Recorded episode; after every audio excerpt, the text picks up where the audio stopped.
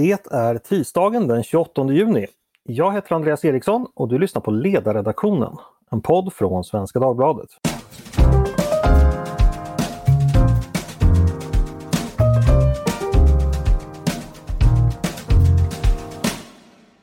Varmt välkomna! Idag inleds Natos toppmöte i Madrid där stats och regeringschefer från de 30 medlemsländerna träffas. Sådana möten sker regelbundet eh, samt när tillfället så att säga kräver det. Senast träffades man i Bryssel i mars. Man har också haft ett virtuellt möte i vår alldeles efter den ryska invasionen av Ukraina.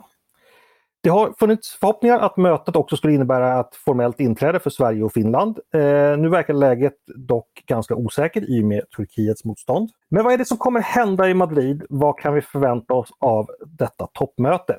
Det är ämnet för idag och med mig för att diskutera det har jag Ann-Sofie Dahl som ofta medverkar på ledarsidan. Senast idag faktiskt.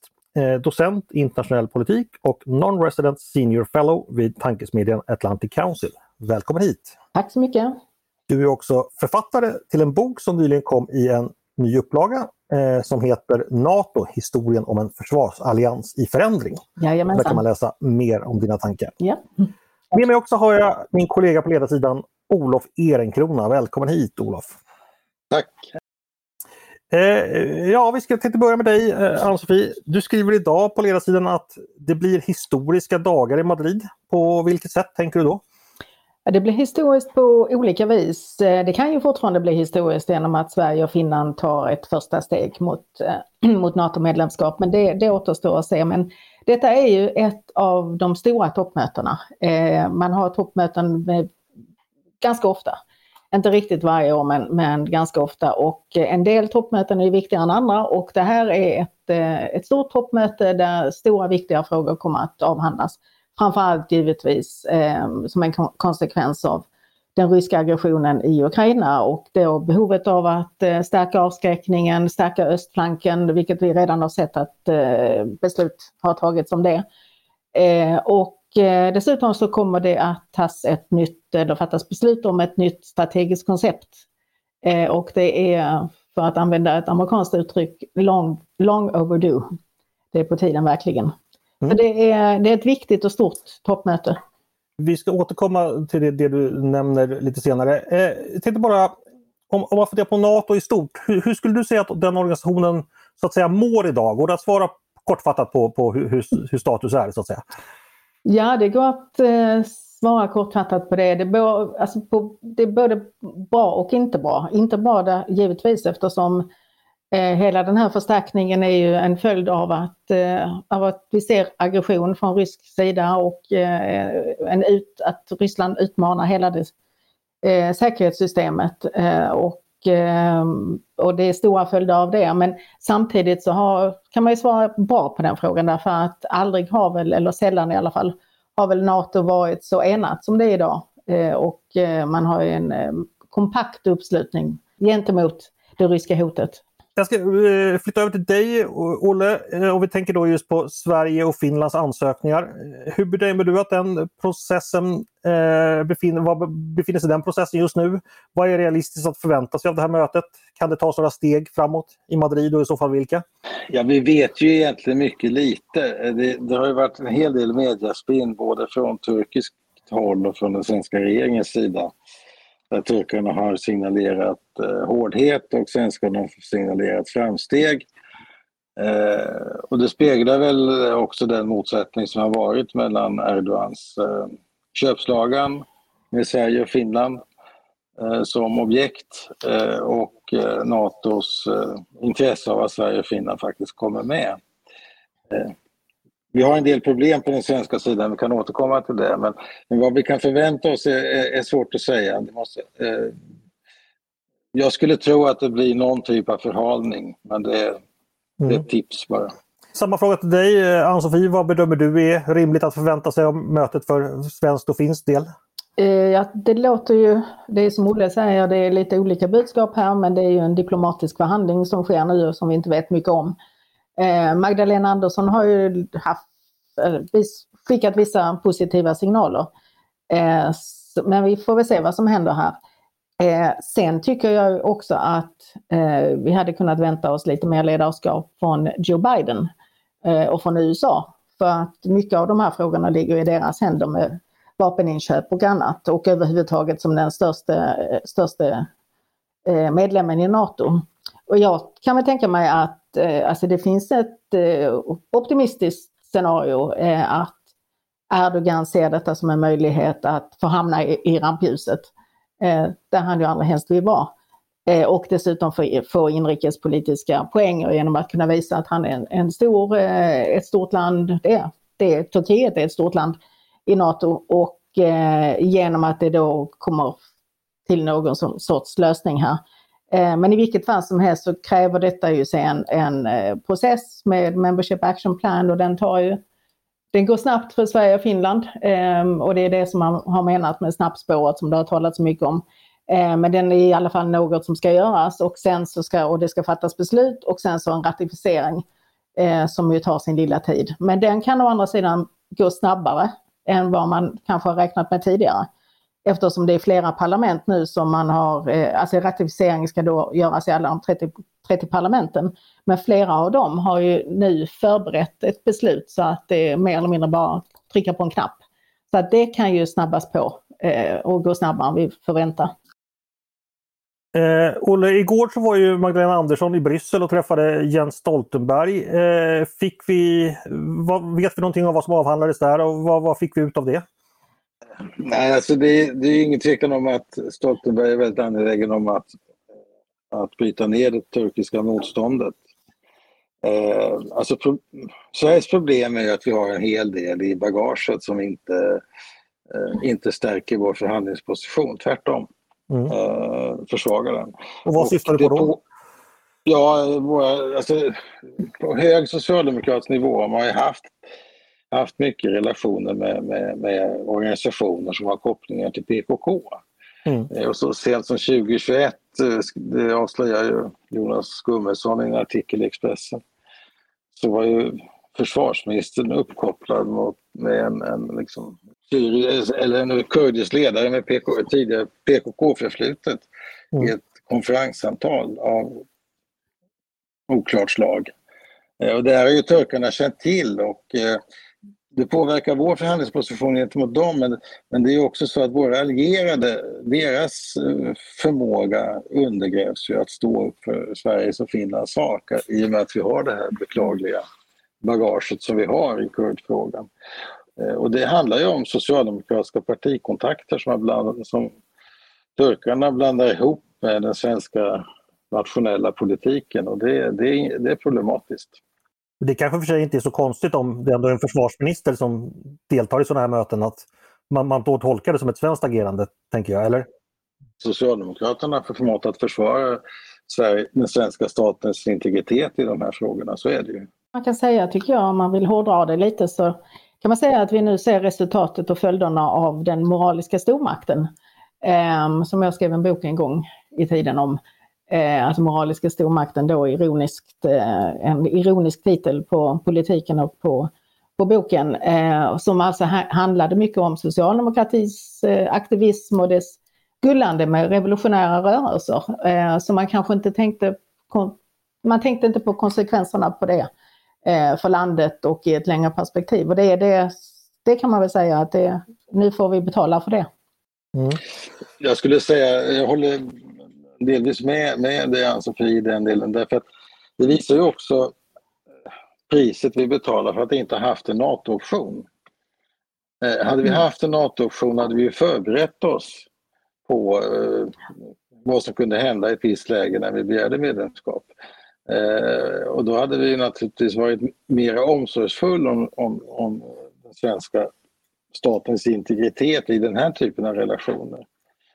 Eh, och det har vi inte varit. Eh, och, Socialdemokraterna, och jag menar, Hultqvist har ju i sin valkrets en väldigt stark kurdisk community. Eh, så att, eh, ja, vi har ett ganska dåligt case gentemot turkarna i den här delen, tyvärr. Mm. En sak man tänker på där, för att eh, ja, du nämnde exempelvis eh, eh, Jonas Gunnarssons artikel då där man han talar om att, eh, om jag citerar, hon, citerar honom så säger han att både Ann Linde och Peter Hultqvist odlat vänskapliga förbindelser med den turkiska statens fiender. Eh, om, om, om det är så som har skett, då kanske den turkiska reaktionen på detta, oavsett vad man tycker om den, inte var så oväntad ändå. Men ändå verkar det ha kommit som en överraskning. Olle, eh, är, har vi varit naiva här igen eller vad, vad är det, vad består alltså, problemet av? Finnarna hade ju fått väldigt klara besked om att det var grönt. Vad, vad Sverige har fått för besked det vet jag inte. Men, men det är ingen tvekan om att det har varit en att det kom som en överraskning att, att, att turkarna intog den här positionen eftersom mycket av det som nu har framkommit har ju turkarna känt till. Mm. Det här eh, mötet 2021 med Peter Hultqvist, det finns ju på Youtube delvis. Mm. Så att eh, det, det, ja. Men däremot så är det på det viset att vi, vi, vi eh, Alltså det har inte saknats liberala krafter i Turkiet att ha kontakt med. Eh, och att ha den här kopplingen, kopplingen till kurdiska organisationer som har kopplingar till PKK är ju inte, alltså det är, det är inte bra. Det visar på dåligt omdöme.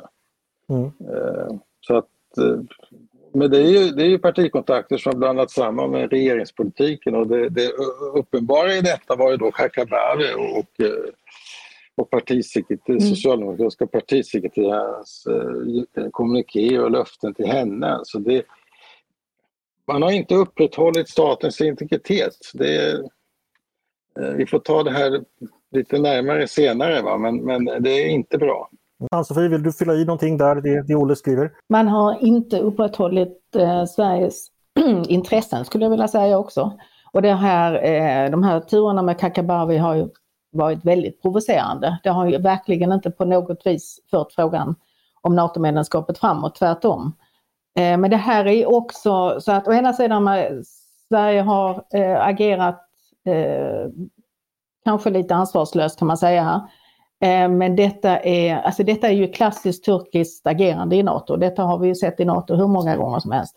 Och så fort det ges en chans att strula så griper Erdogan den. Och det finns exempel, det finns när mm. Anders Fogh Rasmussen eh, skulle utnämnas och allting var klart och på sittande toppmöte så, eh, så plötsligt så opponerar sig eh, Erdogan och eh, det måste då till en allehanda turer för att, eh, att lösa den eh, knuten. Och sen också till exempel i London där man eh, motsatte sig försvarsplanerna för balterna och eh, polackerna. Eh, men, och detta borde ju, Stoltenberg borde ju ha insett detta. Han har varit generalsekreterare nu i åtta år och han har ju sett detta många gånger. Och borde förstått att även om Erdogan tydligen har, eller Turkiet tydligen har gett grönt ljus, inte bara till Finland utan även till Sverige, eller i alla fall gett signaler som tydde på det, så borde Stoltenberg ha förstått att man kan inte lita på Erdogans ord. Han säger ett och gör något annat. Så att det, jag tycker det är mm. flera dimensioner här som inte har, inte har funkat i den här processen. Idag så möter ju Magdalena Andersson just president Erdogan och president eh, Niinistö deltar också. Eh, hur tror ni, eller vad kan Magdalena Andersson göra på ett sådant möte för att få Erdogan att ändra sig? Det har ju kommit ganska omfattande och kanske delvis ja, orealistiska krav från Turkiets sida. Vad, vad säger du Olle, hur, hur, hur tror du Magdalena Andersson agerar i mötet med Erdogan? Ja, hon förstår naturligtvis att Sverige måste ge Turkiet eh, någonting när det gäller terroristbekämpningen. Mm. Hur långtgående det blir, det vet vi inte. Men man kan med säkerhet säga att det blir mer långtgående än det hade blivit om man inte hade haft den här belastningen som man haft genom, genom framförallt Peter Hultqvist men även Ann Lindes eh, förehavanden i de här frågorna. Eh, och det, det tycker jag det är ett illustrativt exempel på att eh, om man inte har förmåga att hålla rågången klar mellan Sveriges intressen och eh, partikontakter, då, då, då, är det, då kan det kosta för mm. hela Sverige. Men, men jag tänkte ändå Olle, om jag ska gå in som, som djävulens advokat. Nu har du flera gånger kritiserat regeringen. Det är ju så att eh, Sveriges relation till, till, så att säga, till kurderna i allmänhet, det rör sig om en en, en minoritet i Turkiet som ofta behandlas illa eller i samtliga länder där det finns kurderna lever så har man behandlats illa. Eh, det finns en stor kurdisk diaspora i Sverige som är både synlig och framgångsrik. Man kan säga att det finns kanske ett arv här där Sverige inte alltid har betett sig väl mot, mot, för den kurdiska saken. Det finns också att kurderna faktiskt var de som bekämpade IS. Kan man inte någonstans förstå Ann Linde och Peter Hultqvists så att säga, sympatiska inställning till kurderna generellt? Om du förstår vad jag är ute efter? Jo, det, alltså, vi har ju på svensk diplomatisk nivå haft eh, relationer med, med kurdiska organisationer i, i Turkiet. Det har ju varit så att säga, civilsam, ett kurdiskt civilsamhälle som, som är ja, tämligen oproblematiskt. Mm. Eh, och eh, det var ju så att Erdogan själv i början av sin, sin premiärministertid var väldigt eh, öppen för att ge kurderna kulturella rättigheter som de hade efterfrågat. Och I det där samarbetet så deltog vi på diplomatisk nivå och vi hade både konsuln i Istanbul och ambassaden i Ankara som, som eh, ja, understödde den utvecklingen.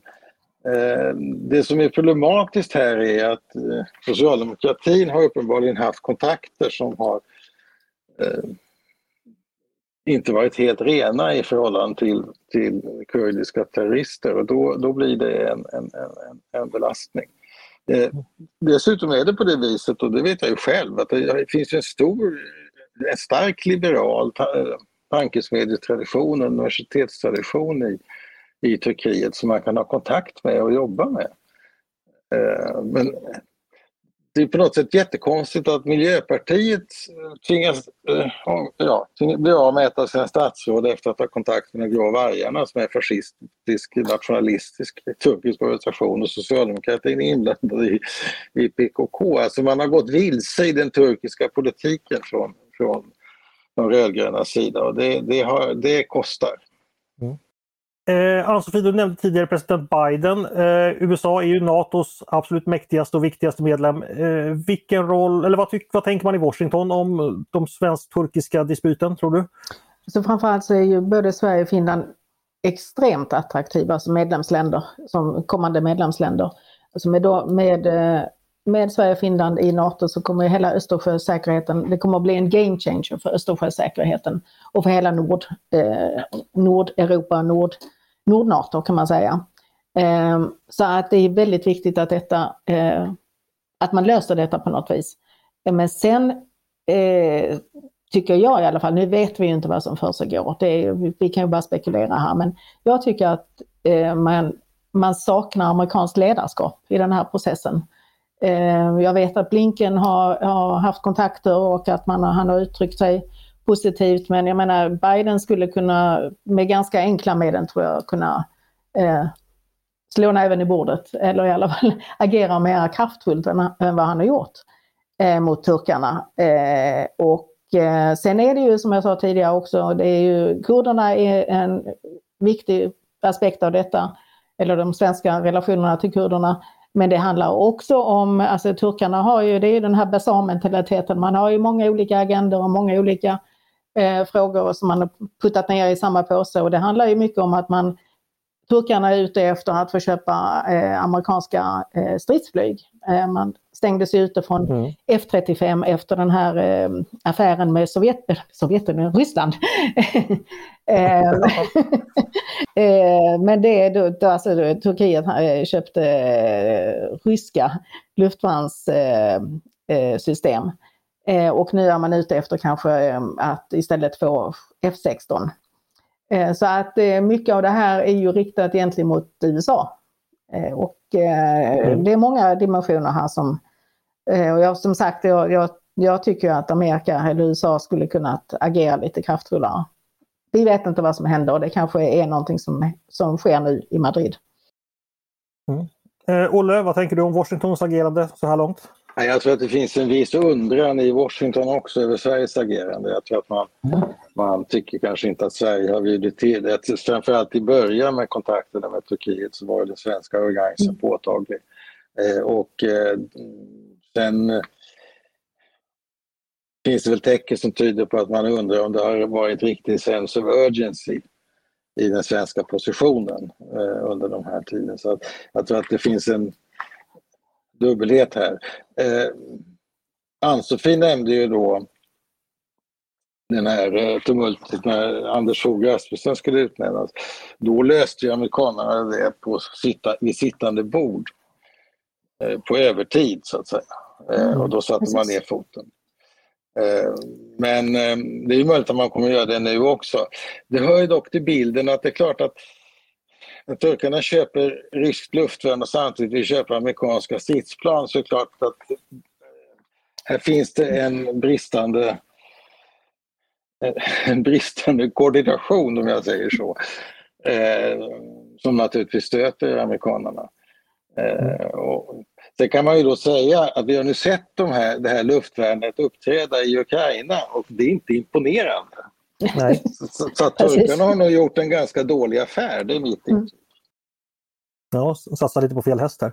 Eh, vi ska säga att eh, är man mer intresserad av hur, hur, tankarna går i turkisk politik så hade vi en podd förra veckan där jag intervjuade eh, Turkietvetaren Paul Levin eh, och den sändes då förra veckan så den får man jättegärna gå tillbaks och lyssna till på också.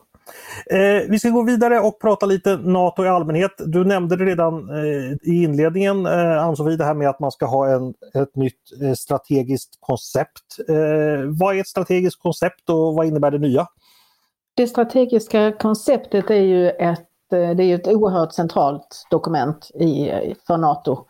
Ehm, det är, man kan säga att det är det dokument som dels visar vägen framåt eh, och dels också identifierar hotbilder, eh, utmaningar i nuvarande läge och allt det då på basis av Washingtonfördraget. Alltså man utgår från Washingtonfördraget. Så det, det handlar om värderingar och, och hotbilder och mycket annat som man skriver ihop. Och detta eh, som vi har idag är från 2010. Eh, antogs vid mm. Lissabon-toppmötet eh, 2010. Och det är problematiskt av många anledningar. Eh, det har hänt väldigt mycket på de här åren. Och inte minst eh, detta att eh, Ryssland alltså beskrivs i dokumentet, i strategiska konceptet, som en strategisk partner. Detta skrevs ju då i en helt annan mm. tid, det var Afghanistan, när man hade en, en eh, samarbete med, med Ryssland runt, eh, inte minst ja, transporter och annat. Eh, men detta har ju då fått östländerna, banterna, polacker och andra att eh, formligen se rött. Att man har, man har fortfarande detta dokument som är, det, även om det har varit eh, liksom irrelevant under lång tid så måste det bytas ut och det har, man har diskuterat detta i lång tid och eh, vilka saker som ska tas med och det är även andra saker som, är, som inte är eh, fullt så aktuella längre. Så att detta är väldigt viktigt. Det blir det åttonde i ordningen eh, sedan 1949 när NATO grundades. Eh, och det vi kan förvänta är givetvis en betoning på avskräckningen, Rysslandshotet eh, tillbaka. Och detta är kanske någonting som man kan nämna i det här sammanhanget med, med, med, med Turkiet också. Terrorism är ju en av eh, uppgifterna. Att bekämpa terrorism är fortfarande en av uppgifterna för NATO. Det glömmer vi lite därför att nu handlar allting om Ryssland och avskräckning. Eh, men detta är någonting som länderna i syd är väldigt fokuserade på och givetvis då också Turkiet. Eh, där man poängterar att hotet från terrorism och flyktingströmmar, instabilitet och de här andra frågorna. Och detta är det under då eh, rubriken Projecting Stability i, i NATO-vokabulären. Så att, eh, och det faktum att eh, toppmötet i Madrid. Det är i och för sig därför att det är 40 år sedan Spanien blev medlem i, i NATO. Men det är också en liten gest mot, eh, mot den södra flanken i, i NATO. Som väl eh, mm. kanske är inte irriterade men kanske tycker att det är väldigt mycket fokus på öst just nu. Så det ska vi inte glömma bort, mm. att det, det, är flera olika, eh, det är en stor organisation med olika olika prioriteringar i hotbilderna kan man säga. Mm. Eh, Olle, vad vet vi om NATO? Så säga, nu har man då eh, efter uh, Rysslands anfall mot Ukraina delvis en annan värld att förhålla sig till. Hur anpassar sig NATO när det gäller rent uh, så att säga, strategiskt med styrkor och sådär? Alltså, hur, hur, tänker man där? Vet vi någonting om det? Ja, alltså vi fick ju häromdagen här att man ska gradera upp då den fasta styrkan från, från 40 000 till 300 000 man. Och det, det är ju mycket det. Mm. Man ska veta det att när ryssarna gick in i Ukraina nu så gjorde man det med under 200 000. Mm. Eh, så att 300 000 man i, där, i, i det östra området, det är, det är en aktningsvärd kapacitet. Eh, men jag tycker också att kriget i Ukraina visar ju att gränsen mellan statsterrorism och krig är ju mycket flytande. Alltså, i min uppfattning så bedriver ju Ryssland nu mera terror än krig. Mm. Eh, det är ju fruktansvärda mängder ammunition som man riktar mot civila mål. Och det är daghem och skolor och sjukhus och bibliotek och det är ju liksom allt det som ryms inom ramen för ett folkmord. Och eh, det har ingenting med kriget att göra, eller så att säga, krigsmålen att göra, utan det handlar bara om att bedriva terror, ren statsterror mot civilbefolkningen. Mm. Och jag tror att Zelensky sa det att, att Ryssland är just nu världens största terrororganisation och det, jag är beredd att hålla med om det. Eh, och, och, därför så, så att säga, tycker jag också när man så att säga, signalerar det här mot, till Sydeuropa att den kampen som man bedriver mot statsterrorismen i öster nu, den, den är, det är ju en kamp som liknar den som Israel bedriver när man försvarar sig mot eh, raketer från, från eh, Gaza eller eh, den, de risker man löper i södra Europa om man skulle få eh, terrorregimer i, i Nordafrika. Så att, eh, och det hot som ligger finns latent också naturligtvis från ett Iran som flickrar ut. Så att det, det, de här gränserna är inte entydiga längre och därför är det väldigt välkommet med en, en eh, ny strategi för Natos vidkommande som är uppdaterad i förhållande till det faktum att vi har ett krig i Europa och med omfattande terror mot ett av Europas mest folkrika länder. Ann-Sofie, vill du kommentera någonting på det som Olle precis sa? Nej, men det, det är väldigt välformulerat av Zelensky att det, Ryssland är verkligen, verkligen världens största terrororganisation och hela det här, eh, det som har hänt sedan, sedan 24 februari, det har ju, ehm, det har ju påverkat ehm, oss alla och NATO i allra högsta grad och förutom de här förstärkningarna av, eh, av NATOs Response Force eh, som alltså går upp då till 300 000 vilket är det största sedan kalla kriget. Så är det också en dubblering som vi ser mm. i, av stridstrupper på, eh, i, på östflanken. Eh, så att, eh, och det kommer att komma mer, mer liknande saker. Så att detta, är, eh, detta har fått enorma konsekvenser på, på, för NATO givetvis. Får jag fråga dig, eh, Ann-Sofie, det, det bedrivs ju en hel del, eller väldigt mycket diplomatisk aktivitet eh, på olika håll i Europa. Bland annat har ju president Macron varit väldigt engagerad. Eh, även Berlin förstås har varit engagerade. Hur ser, ser NATOs enighet, finns det något att säga om det? Alltså att det här med att enskilda statschefer och regeringschefer har täta kontakter med Putin och bedriver sin egen diplomati. Jag tänker framförallt på Frankrike och Tyskland. Hur påverkar det NATO som helhet? Ja, NATO är ju inte officiellt indraget i kriget eller del, deltar ju inte i kriget i Ukraina. Utan det är ju enskilda länder som gör det, NATO-länder och andra länder. Mm. Med olika mycket materiell och, och politiskt stöd och annat. Ann-Sofie har en mycket viktig point här faktiskt, eh, att NATO inte är formellt en aktör och det är ju typiskt nog så är det ju EU som har utövat det politiska ledarskapet i Europa under den här krisen och, och framförallt då genom kommissions ordföranden eh, Ursula von der Leyen som ju har haft en hög profil och, och verkligen lyckats att samla EUs medlemsstater som ju också till stor del är medlemmar i Nato, i, i en, en, unik kraftansamling för att försvara Ukraina mot dessa vedervärdiga terroraktioner. Eh, och det här är en, en väldig aspekt, en viktig aspekt av detta. Och då kan man i och för sig säga det, varför ska Macron och Scholz tala tala med Putin och, är det ett svaghetstecken han kanske uppfattat det så. Ja, det är möjligt. Samtidigt så har vi idag en dokumentär ute eh, som ju visar att Macron gjorde sitt yttersta men Putin förde honom bakom ljuset i vanlig ordning. Eh, och eh, Macron vet naturligtvis vad det betyder för, för hans trovärdighet och för Putins trovärdighet. Och likaså är det med Scholz. Eh, Västeuropas ledare har förstått vad den här konflikten går ut på. Hur man resonerar i Kreml och den vedervärdiga attityd man har som grund för sin aggression mot Ukraina och ukrainarna. Eh, och det tror jag har varit oerhört betydelsefullt med tanke på eh, uthålligheten i den här konflikten för vår sida. För att det är så otroligt tydligt vem som är aggressor och vem som är oskyldigt angripen. Eh, och det har blivit väldigt tydligt just tack vare att vi har kört det diplomatiska spåret i botten och lite till. Mm.